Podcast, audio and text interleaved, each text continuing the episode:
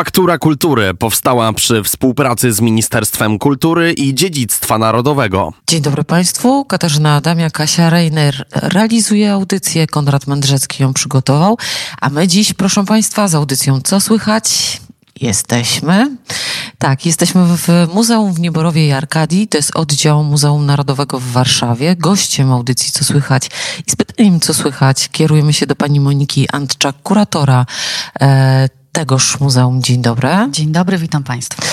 Jesteśmy w rezydencji, w pałacu e, Radziwiłłów. E, niesamowita historia tego pałacu, mi trochę znanego, ale e, trochę znana. Natomiast Państwo, jeśli nie mieli okazji nigdy zobaczyć domu de facto rodziny Radziwiłłów, która, które rodzina Radziwiłłów opuściła e, właściwie w sposób e, taki, że pozostawiła wszystko to, co w tym domu się znajdowało. Ale o historii to może lepiej pani, pani Moniko, niech opowie. opowie. Tak, dokładnie tak było. W 1945 roku rodzina z dnia na dzień tak naprawdę została postawiona przed faktem dokonanym.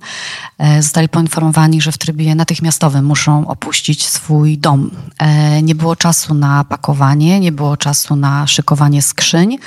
Wiemy z opowieści rodzinnych, że ostatni właściciel Nieborowa, książę Janusz Radziwił, jedyne co mógł zabrać to taki podręczny zegarek, który schował w kieszeń swojego płaszcza. Wiemy też, że e, późnym wieczorem, bo to był luty, wyszedł do ogrodu, pożegnał się ze swoim domem, pożegnał się z piękną przestrzenią. E, I razem z rodziną wyruszyli do, do Walewic, gdzie zostali aresztowani przez e, NKWD i zostali wywiezieni w głąb Rosji razem z innymi rodzinami arystokratów i byli tam przetrzymywani przez dwa lata, do 1947 roku w takim obozie w Krasnogorsku. I tam e, umarła ukochana żona pana Janusza Radziwiła, czyli Anna z Lubomirskich, tak. e, która już do Polski nie wróciła. Pan Janusz wrócił do Polski w 1947 roku. Jak historia głosi, mieszkał w Warszawie, nie chciał nigdy przyjechać do Nieborowa. Y, to znaczy może nie to, że nie chciał, tylko nie miał takiej możliwości. Był wydany dekret przez ówczesne władze, że dawnym właścicielom majątków ziemskich nie pozwolono zbliżać się w takim promieniu 50 kilometrów do swoich dawnych domów tak naprawdę. Y, oczywiście wielka zadra i e, niepogodzenie się też z tym, z tym losem i z tą historią. Janusz Radziwił nigdy do Nieborowa nie przyjechał, natomiast przyjeżdżały jego dzieci w taki może dosyć nieoczywisty sposób, bo um, jego syn um, Edmund, um, który razem z małżonką Izabelą e, w 40 powiedzmy trzecim roku jeszcze w Nieborowie e, tutaj mieszkali, oni ta, także zostali wywiezieni do Krasnogorska. Oni pilnowali tutaj majątku, ponieważ tutaj ważny wątek muszę e, kontynuować. W czasie działań II wojny światowej w Nieborowie stacjonowały wojska niemieckie. Tutaj stacjonowali głównie oficerowie Wehrmachtu e, i rodzinie pozwolono zamieszkać w połowie pałacu. Sień i na pierwszym piętrze biblioteka była taką granicą, która rozdzielała dom od tego miejsca, gdzie stacjonowali żołnierze. I Izabela, z Radziwiłów Radziwiłowa, czyli synowa ostatnich właścicieli, e, była dosyć mocno zaangażowana konspiracyjnie razem ze swoim mężem. My wiemy, że na polu nieborowskim tuż za pałacem były zrzuty cichociemnych e, i oni byli dosyć mocno zaangażowani właśnie w takie działania konspiracyjne i wiemy z opowieści rodzinnych, że Izabela ukradła radiostację oficerom niemieckim i tutaj w opowieściach od wnuczek wiemy, że no ona w ogóle się nie bała. I na pytanie, no babciu, ale przecież mogłaś zginąć, mogło się coś wydarzyć. A co się mogło wydarzyć? Przecież oni mieli jeszcze dwie radiostacje, więc może nawet nie zauważyli, że tą zabrałam. Ale dzięki tej odwadze i dzięki tej postawie y, udało się uratować wiele istnień ludzkich, dlatego że Radziwiłowie byli też właścicielami Pałacu na Bielańskiej. Dzisiaj tam jest Muzeum Niepodległości i tam była granica getta y, warszawskiego.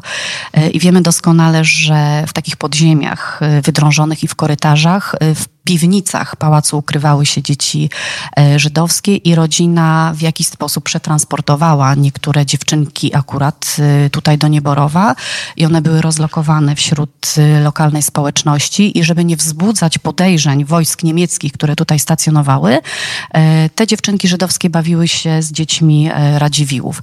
Tak więc niesamowita historia. Izabela, tak zwana Balala, została odznaczona też tym orderem Sprawiedliwy wśród Narodów. To, to jest dopiero początek, proszę Państwa, tej historii. Jeśli Państwo myślą, że e, pani e, kurator udało się nakreślić to nie, dlatego że pałac przetrwał też e, w tym kształcie dzięki sprytowi pana Janusza Radziwiła, który zadzwonił do swojego przyjaciela. Proszę prostować, bo ja tę historię tak. mówię z pamięci. Tak. Do swojego przyjaciela, wtedy dyrektora Muzeum Narodowego, słynnego Stanisława Lorenca, człowieka, który też ratował Zamek Królewski, tak. przypomnę. I e, panowie wymyślili, nie wiem czy razem, czy któryś z nich, że tu ma powstać e, placówka muzealna i stąd właśnie udało się zachować rezydencję rezydencję w całości nie została właściwie chyba ograbiona. Y, tak, Nieborów ma olbrzymie szczęście. Y, jeżeli mówimy tutaj o tym nieszczęśliwym roku 45, to warto wspomnieć, Janusz Radziwiłł był wybitnym politykiem. On doskonale orientował się w sytuacji takiej geopolitycznej, doskonale zdawał sobie sprawę, co może nastąpić y, i już rok E, wcześniej prowadził rozmowy z profesorem e, Lorencem i poprosił go o taką pomoc, że gdyby, nie daj Boże, coś się wydarzyło, on go bardzo mocno poprosił o to, aby objął taką ochroną prawną, a miał ku temu możliwości, bo był, e, prawda, i w zarządzie był dyrektorem Muzeum Narodowego.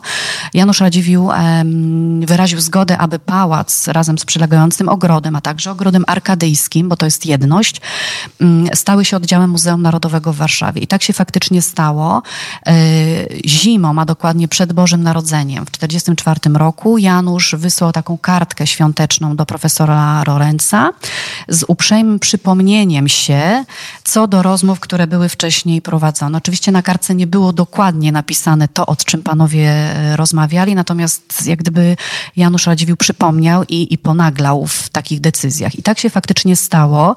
W momencie, kiedy profesor Lorenz dostał taki sygnał, że dzieje się coś niepokojącego, Oczywiście to wiemy z przekazów y, takich mówionych. Jakąś rozklekotaną ciężarówką udało mu się dojechać do Łowicza, a potem jakimś wozem został przywieziony y, do Nieborowa i mówi się, że ostentacyjnie przed nadciągającą tą armią y, czerwoną wbił tabliczkę, że to już jest instytucja państwowa, że to jest oddział Muzeum Narodowego w Warszawie i tutaj nie ma co dyskutować. Ta decyzja uchroniła to miejsce przed zniszczeniem. Absolutnie.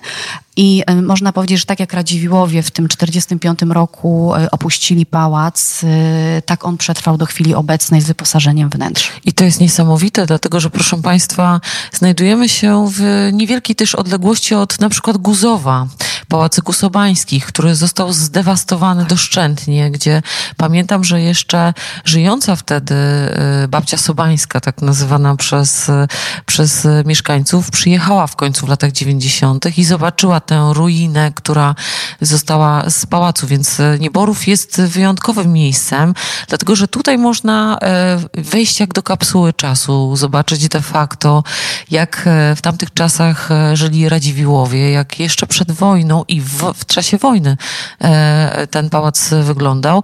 Tu znajduje się wiele jak to się mówi w branży naszej pani kurator, artefaktów muzealnych, które, które są wyjątkowe i unikatowe, o tym będziemy rozmawiać. Natomiast powiedzmy też o samym, e, samej, e, samej budowli, samym ogrodzie i wspomnijmy tę Arkadię, która jest przywiązana de facto do Nieborowa. Y, y, tak, zaraz przejdę, ale tu muszę nawiązać do, do pani tutaj sugestii co do Guzowa i w ogóle do, do Nieborowa. Dlaczego ten Nieborów został uchroniony? To jest też zasługa rodziny która ona nie zamykała tej przestrzeni tylko na potrzeby własnego domu. E, obiekt był udostępniany badaczom, naukowcom. E, nawet służba, która pracowała tutaj u Radziwiłł, była doskonale zorientowana e, w wartości obiektów, które rodzina gromadziła od 200 lat. Do tego stopnia, że jeden z pracowników dawnych Radziwiłłowskich był poproszony o to, aby ze stacji najbliższej w Bednarach odebrać profesora Michałowskiego, który zajmował się antykami. I profesor, który tutaj przyjechał w dwudziestoleciu między międzywojennych, rozmawiając z tym furmanem, po co tu przyjechał, jak ważne tutaj są obiekty, edukował też y, pracowników, co potem się przełożyło, że tak powiem, na y, ochronę tego miejsca, bo kiedy weszli tutaj y, oficerowie niemieccy, służba doskonale Wiedziała, wiedziała, absolutnie, które rzeczy chować, a najważniejszym artefaktem była głowa niobę. Mhm. E, antyczna głowa niobę z II wieku, e, przepiękna rzeźba, chyba najcenniejsza w kolekcji takich starożytności, em, którą zgromadzili Radziwiłowie i służba jako pierwszą e, tą głowę schowała w piwnicy, przykryła węglem, bo zdawała sobie sprawę, jak war, ważną wartość artystyczną dla Polski w ogóle ma, ma ten obiekt. Więc jak gdyby to udostępnienie przestrzeni, biblioteki, obcowanie z obiektami i udostępnianie ich badaczom e, przyczyniło się do tego, że Nieborów i Arkadia w tej sferze takiej naukowo-badawczej zajmowało wysoką pozycję. Nie wiem, jak było y, w Guzowie, ale jak gdyby to wiedział profesor Lorenz y, o wielkiej wartości tego miejsca i dlatego y, obiekt ten stał się oddziałem Muzeum Narodowego. I to jest, e, to jest, to jest niesamowite. Pałac w stylu barokowym, końcówka XVII wieku. Tak, y, pałac w swojej bryle i tej strukturze architektonicznej tak naprawdę się w ogóle nie zmienił od końca XVII wieku. Y, Zmianom y, ulegały jedynie wnętrza, bo wiadomo, zmieniały się style. Z rokoka przechodzono w klasycyzm, y, więc nowi właściciele, podążając za nowymi modami, aranżowali sobie wnętrza zgodnie z, z ówczesną modą. Natomiast ta bryła, którą Państwo oglądacie z zewnątrz, absolutnie nie uległa y, żadnym zmianom. Jest to wyjątkowy obiekt perła ym, tej architektury barokowej, wybitnego architekta Tylmana z Gameren, e, więc tym się szczycimy jak najbardziej. Ale ten e, obiekt, e, ten, e, tę bryłę e, nie zbudowali Radziwiłowie, bo oni po, weszli nie, nie. w posiadanie. Tak, e, e, Radziwiłowie stali się właścicielami dóbr nieborowskich dopiero w latach 70. XVIII wieku. E, Pałac został wybudowany z inicjatywy kardynała Stefana Radziejowskiego. On chciał mieć taką podłowicką rezydencję. Natomiast no, Radziejewice i Skierniewice to były główne miejsca, gdzie Radziejowski przebywał. Natomiast ten Nieborów miał być takim przystankiem w drodze do Łowicza. Ludzie to jednak potrafili żyć. tak, z rozmachem. Natomiast y, Wiemy, że tutaj w ogóle nie przebywał i po wybudowaniu e, pałacu on go przekazał, odsprzedał rodzinie Towiańskich. Później pałac był właścicielem e, lubomirskich, łochockich, aż wreszcie w połowie XVIII wieku został zakupiony przez Michała Kazimierza Ogińskiego, który był stryjem Heleny Radziwiłowej, małżonki Michała Hieronima i to oni po nim dopiero nabyli e, włościa nieborowsko-arkadyjskie. I te włościa nabyli, ale ogród i Arkadia to jest inna historia już, która powstała przed. Czy to było jednocześnie? Ciągle to samo. To jest ciągle to samo. Mówiąc o dobrach nieborowskich, mamy na myśli e, tysiące hektarów. To były No wsie, właśnie. no powiedzmy, no powiat cały, tak? E, Natomiast e, no, ta reforma rolna, która nastąpiła w 1945 roku, wydzieliła dwie przestrzenie, bo majątek uległ podziałowi. I Muzeum w Nieborowie Arkadii, to jest pałac w Nieborowie z ogrodem francuskim. Który mieści się w odległości mniej więcej pięciu kilometrów od... tak, Arkadia, nie, troszeczkę bliżej, to są trzy kilometry. Arkadia jest ogrodem specyficznym, ponieważ ona została z, wykreowana przez Helenę Radziwiłową właśnie na kanwie takiego ruchu e, powrotu do natury. To jest taki ogród y, w stylu sentymentalno-romantycznym, zupełnie innym niż ten barokowy, symetryczny, sztuczny, powiedzmy, bo e, ta druga połowa XVIII wieku to jest zupełnie inna filozofia, inne podejście do życia, inne prądy, inne style. I tak naprawdę Arkadia jest jedynym tego typu miejscem w Europie Środkowo-Wschodniej, które przetrwało. Tego typu ogrodów y, angielskich, czyli swobodnej y, roślinności, w którą wkomponowane są takie pawilony architektoniczne z różnych okresów historii sztuki, bo mamy w Arkadii i antyczną świątynię Diany, i gotycki domek, e, i mamy jakąś willę renesansową, włoską. Więc jak gdyby to jest jedyny zachowany obiekt w tym stylu w tej części Europy i jedyny w Polsce. I dzięki tej unikatowości zarówno Nieborów, jak i Arkadia w kwietniu tego roku e, zostały wpisane na taką prestiżową listę e, europejskich szlaków ogrodów historycznych. E, to, to jest niebywałe, że zostaliśmy dostrzeżeni przez takie gremium naukowo-badawcze, które jest skumulowane w całej Europie i tylko kilka obiektów z każdego kraju ma możliwość uczestniczenia właśnie w tym, w tym szlaku. Jeszcze tylko wspomnę a propos ogrodów, zamykając po części ten temat, tutaj, proszę Państwa, są dwa najstarsze platany, czy największe platany w, w Polsce? Tutaj z Dobrzycą e, spór toczymy, ponieważ jeżeli e, mówimy o granicach dawnej Rzeczpospolitej, czyli drugiej, mm. Tutaj był najstarszy platan absolutnie i on do chwili obecnej jest, natomiast obecnie w obecnych granicach Dobrzyca ma najstarszego platana. Tak e, podejrzewam, że moja pamięć mogła trochę się, e, ale te drzewa wyjątkowe, unikatowe, tak. które właściwie w naszej e, części geograficznej rzadko występują i są tak niesamowite. Absolutnie tak. One są też naznaczone na planie takim architektonicznym, który przetrwał właśnie z lat 70. XVIII wieku. Jeden z tych platanów jest zadatowany na rok 1760, czyli on został zasadzony jeszcze przed Radziwiłami za Michała za czasów Michała Kazimierza Ogińskiego. E, drugi platan jest nieco mniejszy, ale on miał e, też pecha. Niestety w dwudziestoleciu międzywojennym dosyć mroźna zima go tam zmroziła dosyć mocno. On został wydrążony, jest osłabiony troszeczkę. No i trzy lata temu mieliśmy taką dosyć nieprzyjemną sytuację, bo przeszła tutaj taka trąba powietrzna mm. w, w okresie letnim i on się złamał w połowę, w pół i mhm. groziło tym, że przewróci się na pałac. Natomiast tutaj tęgie głowy naprawdę naprawdę i nasz wybitny dział e, zieleni wpadli na genialny pomysł, ponieważ korona tego drzewa została zredukowana. E, wbetonowaliśmy taki dosyć wysoki pylon, e, który utrzymuje drzewo i pozwala to na zabliźnienie się tych złamań i wokół tego platana już są małe nasadzenia, które docelowo wtopią się w strukturę starego drzewa i miejmy nadzieję, że przetrwają. Jesteśmy w Muzeum w Nieborowie i Arkadii, oddział Muzeum Narodowego z Warszawy. Monika Antczak, kurator, nam towarzyszy w tej opowieści o Pałacu w Nieborowie i Ogrodzie. E, pani Moniko, to jak wygląda współczesne życie tego wspaniałego obiektu? Wygląda bardzo dobrze. Jesteśmy chyba jednym z najchętniej odwiedzanych obiektów e, w województwie łódzkim, bo mimo tego, że jesteśmy oddziałem Muzeum Narodowego w Warszawie, e, geograficznie znajdujemy się na terenie województwa łódzkiego. E, rocznie odwiedza nas prawie 200 tysięcy zwiedzających. To jest szalenie dużo.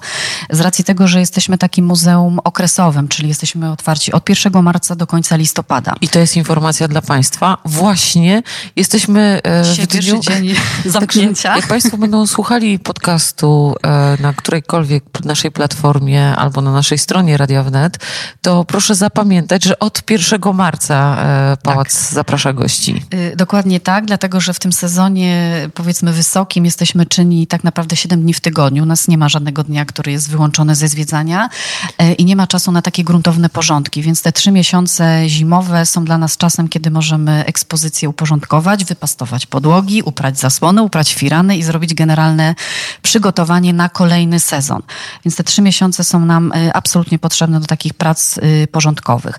Y, co się u nas dzieje? No, historyczna inwestycja. Przede wszystkim mamy naprawiane ogrodzenie, które już chyliło się ku upadkowi. Dzięki tutaj dotacji takiej celowej z Ministerstwa Kultury i Dziedzictwa Narodowego udało nam się ten projekt zrealizować. Sami nie bylibyśmy w stanie tego dźwignąć finansowo. Więc to jest też taki historyczny moment nie tylko dla naszego muzeum, muzeum, ale przede wszystkim dla miejsca, w którym się znajdujemy, dla gminy, bo y, my jesteśmy muzeum osadzonym na wsi. Y, lokalna społeczność bardzo mocno utożsamia się z, z tym miejscem. Wszyscy są dumni, że tak, y, mhm. że w Nieborowie jest muzeum tak chętnie odwiedzane. Więc tutaj pan wójt robi wszystko, żeby gmina elegancko wyglądała. Mhm. Robi piękne ścieżki rowerowe, więc no tylko to ogrodzenie nasze troszeczkę raziło Psło. w oczy. Natomiast jesteśmy już tak tutaj na, na, na finiszu i w przyszłym sezonie, jak Państwo przyjedziecie nas odwiedzić, to na pewno najpierw zobaczycie ogrodzenie, a, a potem pałac. Tak. Oko Państwu zbieleje. Y, też y, opowiadała Pani, i to jest ta nieulubiona część dla pewno dla słuchaczy, opowiadała Pani przed wejściem y, na antenę, czyli przed rozpoczęciem audycji o tym, że e, w ciągu 25 lat, kiedy ja tu byłam po raz ostatni, zmieniła się jedna rzecz podstawowa, a mianowicie uruchomili Państwo drugie piętro. Y, tak, uruchomiliśmy w czerwcu ekspozycję na, na drugim piętrze. To jest takie piętro mansardowe, które nigdy wcześniej nie było udostępniane zwiedzającym. Wcześniej znajdowały się tam e, pokoje gościnne, y, które powstały jeszcze w dwudziestoleciu międzywojennym, e, ponieważ pałac wówczas został przebudowany przez Janusza Radziwiła i tam mieszkały jego dzieci, a także goście, którzy licznie odwiedzali to miejsce, bo to było fajne miejsce takie wypadowe, podwarszawskie, dla elity ówczesnej. Natomiast te pokoje już nie mogą funkcjonować w tej formie.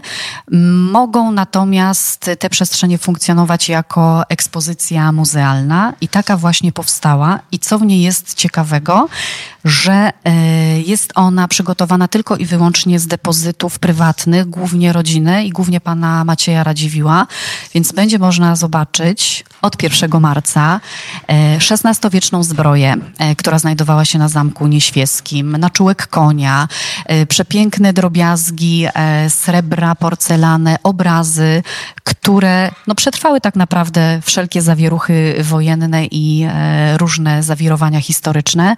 Przetrwały w rodzinie i dzisiaj można je oglądać e, w naszym muzeum. Po, powiedziałyśmy na początku audycji o tym, że pan Janusz e, Radziwiłł w chwili, kiedy opuszczał w 1945 roku Nieborów, już później nigdy do tego Nieborowa nie mógł wrócić. Wspomniała pani, że teraz e, ta wystawa jest e, złożona głównie z rzeczy, które wypożyczyła państwu rodzina. Jak wyglądają dziś stosunki z Radziwiłłami? Jak, jak, czy Radziwiłłowie odwiedzają chętnie Nieborów i czy nie chcieliby ewentualnie się z powrotem wprowadzić, skoro już tak wspaniale się przyjaźnią? E, wprowadzić się na pewno nie chcą, ponieważ e, no, jesteśmy w dosyć e, takich bliskich relacjach, chociażby stąd, że udało się wypożyczyć ponad 300 obiektów z kolekcji rodzinnej. Rodzina tak naprawdę odwiedza nas często.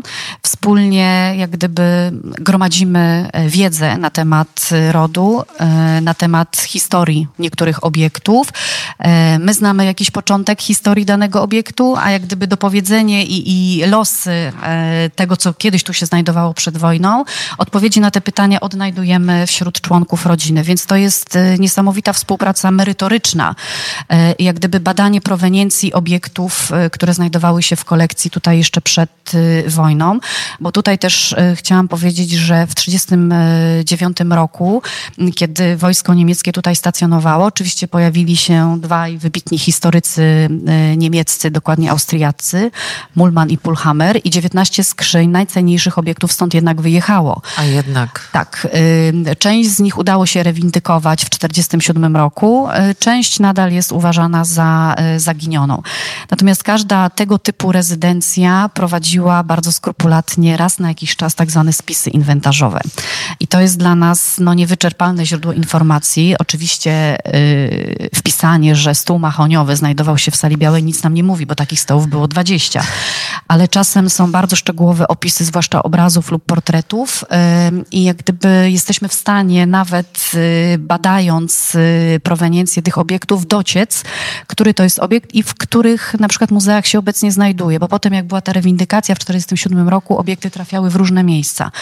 I trochę praca muzealnika przypomina taką pracę detektywa. Po jakichś szczątkowych informacjach y, i skrupulatnych analizach archiwaliów udaje się Y, niektóre obiekty y, odszukać i jak gdyby tą proweniencję prawidłową nadać. Y, co do rodziny, właśnie ta, ta wiedza i wymiana merytoryczna absolutnie to jest na wagę złota. To są świadkowie historii. Oni dostają informacje, dostawali, tak, z pokolenia na pokolenie. I jak gdyby my z tego tworzymy jedną spójną narrację, robimy wspólne wydarzenia. Muzeum od kilku lat współpracuje z Fundacją Trzy Trąby. To jest fundacja y, prowadzona przez rodzinę Radziwiłłów, y, która... No... Ja może tylko gwoli wyjaśnienia mm. powiem, że to Trzy Trąby to jest y, część herbu po prostu. Tak. Dlatego stąd jest ta nazwa, tak. że to nie jest taki żarcik tak. Radziwiłłów, e, tylko to, to, to, jest związane ściśle z ich historią i ich herbem. Tak, to jest rodowym. dokładnie tak element na tarczy herbowej tego rodu od XVI wieku. E, więc wsparcie, które otrzymujemy, głównie jest to wsparcie finansowe, e, pozwala nam na realizowanie różnych przedsięwzięć, a największym przedsięwzięciem, które razem robimy, to są opery, e, które wystawiamy na dziedzińcu przed pałacem, zawsze w pierwszy lub drugi weekend września, no, które gromadzą chyba największą publiczność, bo mamy ponad 2000 widzów. E, I to jest wielkie przedsięwzięcie, wielka inicjatywa, która wychodzi od nas, od, od muzealników. Powołaliśmy nawet na ten cel własną orkiestrę, więc chyba jesteśmy jedynym muzeum, które ma własną orkiestrę o nazwie Las Coperta, więc jeżeli Państwo byście chcieli nawiązać jakąś współpracę, to zapraszam. Y, I Fundacja Trzy Trąby y, prowadzi też y, manufakturę majoliki. O, niej będziemy rozmawiać e, w końcowej części. Jeszcze nie jest ten moment. Bardzo się cieszę, że Pani już zapowiedziała to wspaniałe wydarzenie. Mam nadzieję, że porozmawiamy też e, z technologiem, e, z jednym z technologów tej manufaktury, bo ta manufaktura to była, to była też historycznie bardzo istotna część działalności Nieborowa. Nieborów jest z tego znany na świecie. Tak. Manufaktura została założona w drugiej połowie XIX wieku przez kolejnego właściciela y, Nieborowa, Michała Piotra. Zresztą on y, trochę działał na fali takich pozytywistycznych myśli, czyli zakładania manufaktur i przede wszystkim angażowania lokalnej społeczności. Wiemy, że manufaktura w tamtym czasie zatrudniała ponad 100 osób i to głównie byli mieszkańcy wsi Nieborowskiej, którzy byli kształceni przez wybitnych artystów z Akademii Sztuk Pięknych przez chociażby Wojciecha Gresona, który tutaj przyjeżdżał i szkolił młode dziewczyny, y, jak trzeba pędzlem się posługiwać i jak robić fajne dekoracje. I to była taka praca u podstaw i bardzo mocne zaangażowanie lokalnej społeczności przy takim działaniu pałacowym, powiedzmy. To była manufaktura y, działająca tak naprawdę tylko kilka lat, y, dosyć specyficzne przedmioty. My tutaj w muzeum się śmiejemy, że y, ta majolika XIX-wieczna albo się lubi, albo się jej nienawidzi. No jest ona bardzo specyficzna. Michał Piotr nawiązywał oczywiście do takiej historycznej, XVI-wiecznej majoliki włoskiej z mniej lub bardziej udanym skutkiem. Nadal są te karczochy gdzieś na terenie pałacu? Karczochy, y, które obecnie sprzedaje manufaktura, to jest ich wymysł obecny i to jest nawiązanie trochę do takich angielskich zdobień, do angielskich y, ogrodów, y, ogrodów pasterskich i my w przestrzeni naszego ogrodu wprowadziliśmy te karczochy, które jak się okazuje są bardzo chętnie posiadanym suwenirem, więc musimy mieć super glue, żeby przyklejać tutaj rzeczy. Tym bardziej, że one pojawiają się w takiej swobodnej formie gdzieś w przestrzeni parku. A to co takiego było E, nietypowego w tej, e, w tej, w tej manufakturze w czasach pana Piotra jeszcze? Przede wszystkim y, sama technologia, ale też materiał, bo czym jest majolika? To jest forma jakaś ceramiczna, która, której podstawą jest wykorzystywanie gliny dosyć nieoczyszczonej. Ale ta glina jest lokalna, stąd.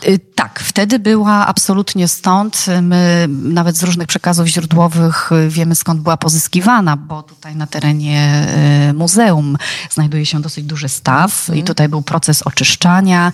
Jak gdyby całe etapy od y, oczyszczania po produkcję znajdowały się na terenie w budynku manufaktury, w którym dzisiaj są biura chociażby, mm. ale w którym też funkcjonuje obecna manufaktura. Więc cały proces odbywał się tutaj i z lokalnej gmin, gliny były te rzeczy wyrabiane. Czym różni się majolika od wdzięcznej, przepięknej, lekkiej porcelany? Tym właśnie, że jest ciężka, y, że jest nieprzezierna. I to Państwo możecie sobie sprawdzić. Jeżeli macie filiżankę porcelanową. Y, biskupi, biskupiec, biskupin z tym swoim garami, to też to jest to samo? Nie. Majolika to jest forma technologiczna i produkcyjna. Mhm. Czyli nieoczyszczona glina i dwukrotne wypalanie. Nie wiem, jak technologia wygląda w Biskupinie, natomiast to na pewno nie jest majolika. Y, I, i sama majolika y, może mieć dwutorową formę zdobień, bo jest malowanie naszkliwne, malowanie podszkliwne i przede wszystkim liczy się ten dwufazowy wypał w konkretnej temperaturze, y, ale to na pewno będzie To będziemy jeszcze o tym tak, rozmawiać. nie będę zdradzać tutaj tych, tych tajników. Natomiast manufaktura ta historyczna Michała Piotra, ona bardzo mocno zaznaczyła się na rynku europejskim, ale zwłaszcza petersburskim, bo tam były główne, y, że tak powiem, punkty odbioru. Natomiast rynek w pewnym momencie się nasycił. To było fajne wow na samym początku, bo tego nikt wcześniej nie robił.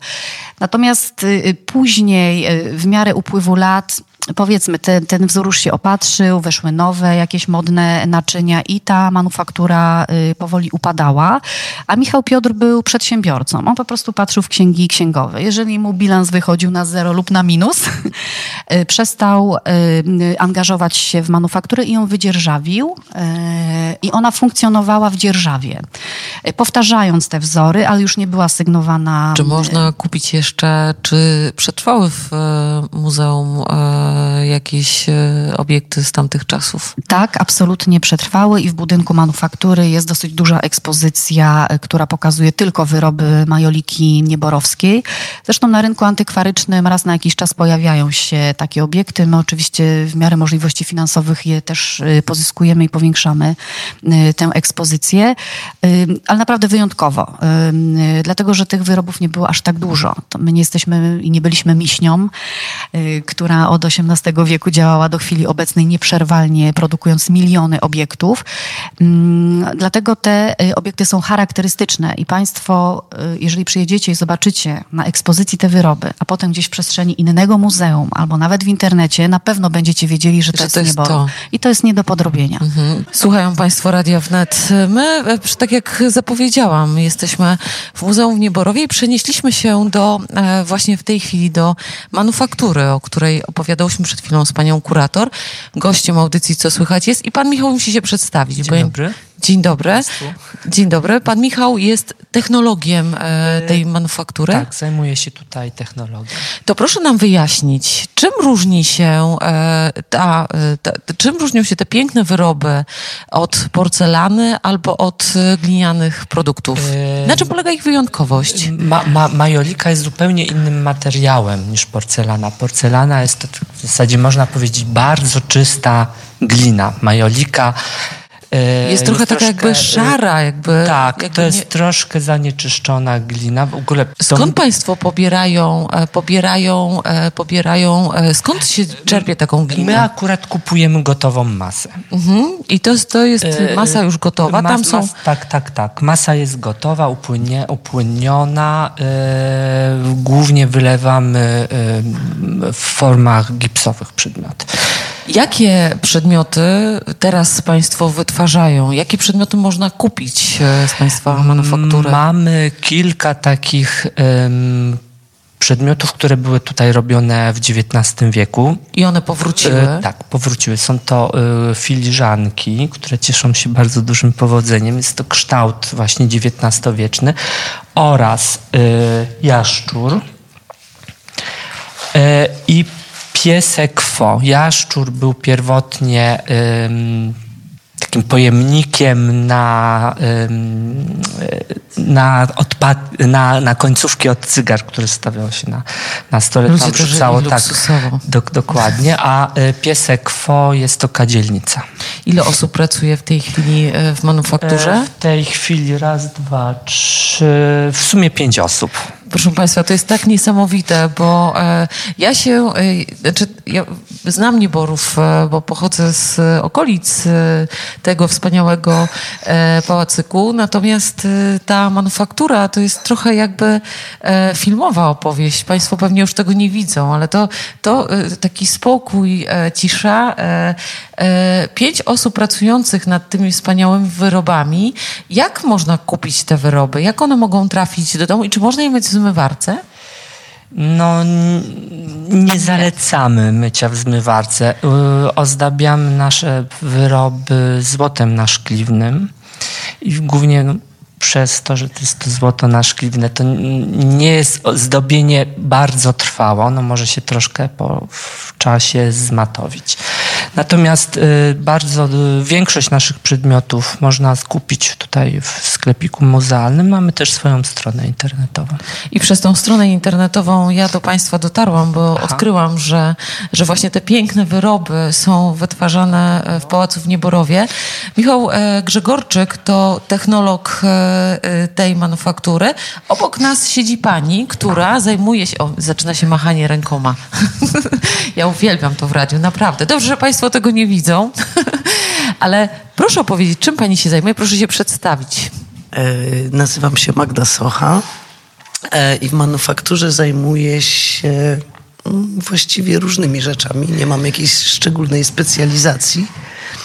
Czyli e, na przykład w tej chwili siedzę tutaj i e, mm, obrabiam karczocha, to znaczy czyszczę go z takich pozostałości. Mm, z formy. Formy, tak, z formy. Mhm. Ale ten karczoch, e, ja trochę, e, szczerze mówiąc, spoglądam z zazdrością, chociaż e, to, to jest pewnie zazdrość dziennikarza, który myśli, że tak wspaniale wygląda praca, bo jak byłyśmy małymi dziewczynkami, to przecież uwielbiałyśmy robić babki albo jakieś inne historie. Pani lubi swoją pracę? Oczywiście. No. Że to jest jednak trochę taka kontynuacja, że można się bawić i znaczy, oczywiście traktujecie Państwo poważnie i to jest, to jest oczywiście praca zawodowa, ale jednak ma pewnego rodzaju rys. Powiedziała Pani, że zajmuje się Pani wszystkim. To jak już ten karczok zostaje oczyszczony, to gdzie on dalej trafia? On później trafi do pieca, zostanie, ponieważ w tej chwili y, jest to taki y, bardzo kruchy y, przedmiot i on trafi do pieca, zostanie wypalony. Tak. No, to tak, Michałem się podpieram, bo to Michał robi. A zostanie wypalony i będzie biskwitem czyli już będzie taką utwardzoną y, formą. No, następnie zostanie poszkliwiony, e, kolejny raz wypalony i dopiero wtedy będzie gotowym przedmiotem który, który trafi e, do Państwa przez stronę internetową albo przez e, sklepik. Jak Państwo przyjadą już od 1 marca, zapraszamy do w Muzeum Nieborowe w Nieborowie, bo jesteśmy w dniu, kiedy, e, kiedy jest to, to jest, to jest ostatni, pierwszy dzień, kiedy w muzeum trwają prace konserwatorskie, ale sklepik chyba jest otwarty. Można przyjść i kupić, czy tak jak sklepik Nie. pracuje? Nie, tak samo jak... Ale jak... można do nas przyjść w, w tym czasie. I i zobaczyć. I zobaczyć. To, to jeśli... A tu można wejść i zobaczyć? No, tak, czasami. To ja teraz, przepraszam, pani, teraz przekażemy z powrotem panu Michałowi, technologowi, mikrofon. Jak po tym, jak już e, ten karczok jest e, wypalony z pieca, trafia do, do, do kogo? Co się dalej z nim dzieje? Jest malowany, jest pokrywany? Karczoch, nie, nie, nie. To, cały proces produkcji ma majoliki jest troszkę inny niż klasyczna ceramika. Mhm. Biskwit wypala się w znacznie wyższej temperaturze niż później wypala się szkliwo i e, po wypaleniu biskwitu e, karczoch jest szkliwiony i później na, na surowe szkliwo, jeszcze nie wypalone, takie szkliwo, które jest takim postaci proszku, nakłada się warstwę farby i dopiero taki ozdabiany, ozdobiony karczoch trafia kolejny raz do pieca. I wtedy po wyjęciu mamy taką klasyczną majolikę. A co wy Państwo z tymi karczochami, tak szczerze mówiąc, jak zobaczyłam y, te karczochy, to się zaczęłam zastanawiać, no, od kiedy karczoch jest naszym takim... No, właśnie cieszą się wyjątkowo dużą popularnością. Sami jesteśmy zdziwieni, tak. Nie, to genialne, bo e, zawsze się zastanawiałam, zastanawiałam nad tym, e, nad tym co, co, co się będzie działo. Bardzo serdecznie panu Michałowi dziękuję za opowieść technologiczną. To jeszcze e, Monika Antczak, e, kustosz Muzeum w Nieborowie. Kto wpadł na pomysł reaktywacji manufaktury? No tak jak wcześniej rozmawialiśmy, w momencie, kiedy ten działowy, e, ta działowa nasza przestrzeń e, już nie mogła funkcjonować w takiej formie dotychczasowej, mm, rozpoczęły się poszukiwania jakiegoś zewnętrznego najemcy, który zechciałby pociągnąć dalej temat i, i tutaj właśnie w takim researchu natknęliśmy się i nasze drogi się spotkały właśnie z dwoma paniami, e, z Marią Anną Radziwił i z Teresą Tarnowską, która dzisiaj tutaj z nami jest. E, I wspólnie jak gdyby wypracowaliśmy taki pomysł e, kontynuacji działań manufaktury e, z czasów Michała Piotra. I my mówimy właśnie, że tutaj historia koło zatoczyła. I jak gdyby państwo tutaj, oprócz tego, że kontynuują y, tą, tą działalność Michała Piotra, nie tylko manualnie, ale też i wzorami, tak? Bo pojawiają się, tak jak Michał wcześniej powiedział, jaszczury i piesek fo, czyli te formy XIX-wieczne. Y, Wymyślają też zupełnie nowe przedmioty, które wpisują się w dzisiejszy design. No i państwo, w, no, będąc na stronie manufaktury Majoliki, na pewno to dostrzeżecie. Y, I tutaj myślę, że Teresa by mogła E, też Pani powiedzieć... Teresa Tarnowska, proszę o przekazanie. Dzień dobry. Dzień dobry, dzień dobry. Skąd pomysł, żeby uczestniczyć w, tym, e, w, tym, w tej reaktywacji manufaktury? To wszystko przypadek. Odpowiednie e, miejsce, czas, e, kontakty i tak dalej. Jak moja siostra przyjechała tutaj ze swoim mężem na spotkanie e, z Moniką, panią kurator, e, dowiedzieli się, że chętnie e, muzeum by przekazało, wy- wynajęło, wydzierżawiło tą manufakturę. E, I moja siostra, znając ceramików, wpadła na pomysł, że właściwie ma odchowane dzieci, bardzo chętnie by się czymś zajęła i akurat tym. E, Wzięła mnie do współpracy i stąd tu jesteśmy.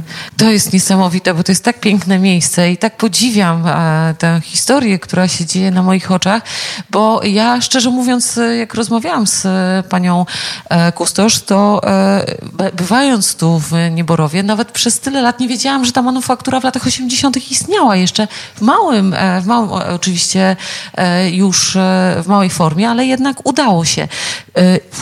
Dużo Państwo sprzedają. Czy to są na, nadal takie unikaty, jak były, to co rozmawialiśmy z Panią e, Moniką o historii Pana Piotra, e, że to były jednak, nie były w, w takiej liczbie produkowane e, obiekty, że teraz jest je trudno zdobyć na rynku. Ale czy Państwo też produkują takie wyjątkowe unikaty, których, których, których nie będzie później dużo i czy to, to jest, jaką popularnością się Państwo cieszą? Więc cieszy to, że coraz bardziej jesteśmy rozpoznawalni, coraz bardziej znani. E, Oczywiście małe rzeczy sprzedajemy w różnych sklepach, e, w kiosku, e, w kiosku e, muzealnym, natomiast też mamy specjalne zamówienia. Na przykład ostatnio pan się zgłosił, że chciałby mieć identyczny kaszpot, jak jest na wystawie. I udało nam się zrobić. I właśnie dzisiaj ma pan jego odebrać. Trwało to oczywiście bardzo, bo mimo, że bardzo misterna robota, trzeba było to po, powtarzać y, realizację, bo jak to ceramiczne rzeczy w, na różnych etapach produkcji różnie się zachowują. Tam też spłynęło szkliło, więc koleżanka jeszcze raz wymalowała. Y, koronkowa robota rzeczywiście przecudnie i jest. Oprócz tego robimy kafle do mieszkań.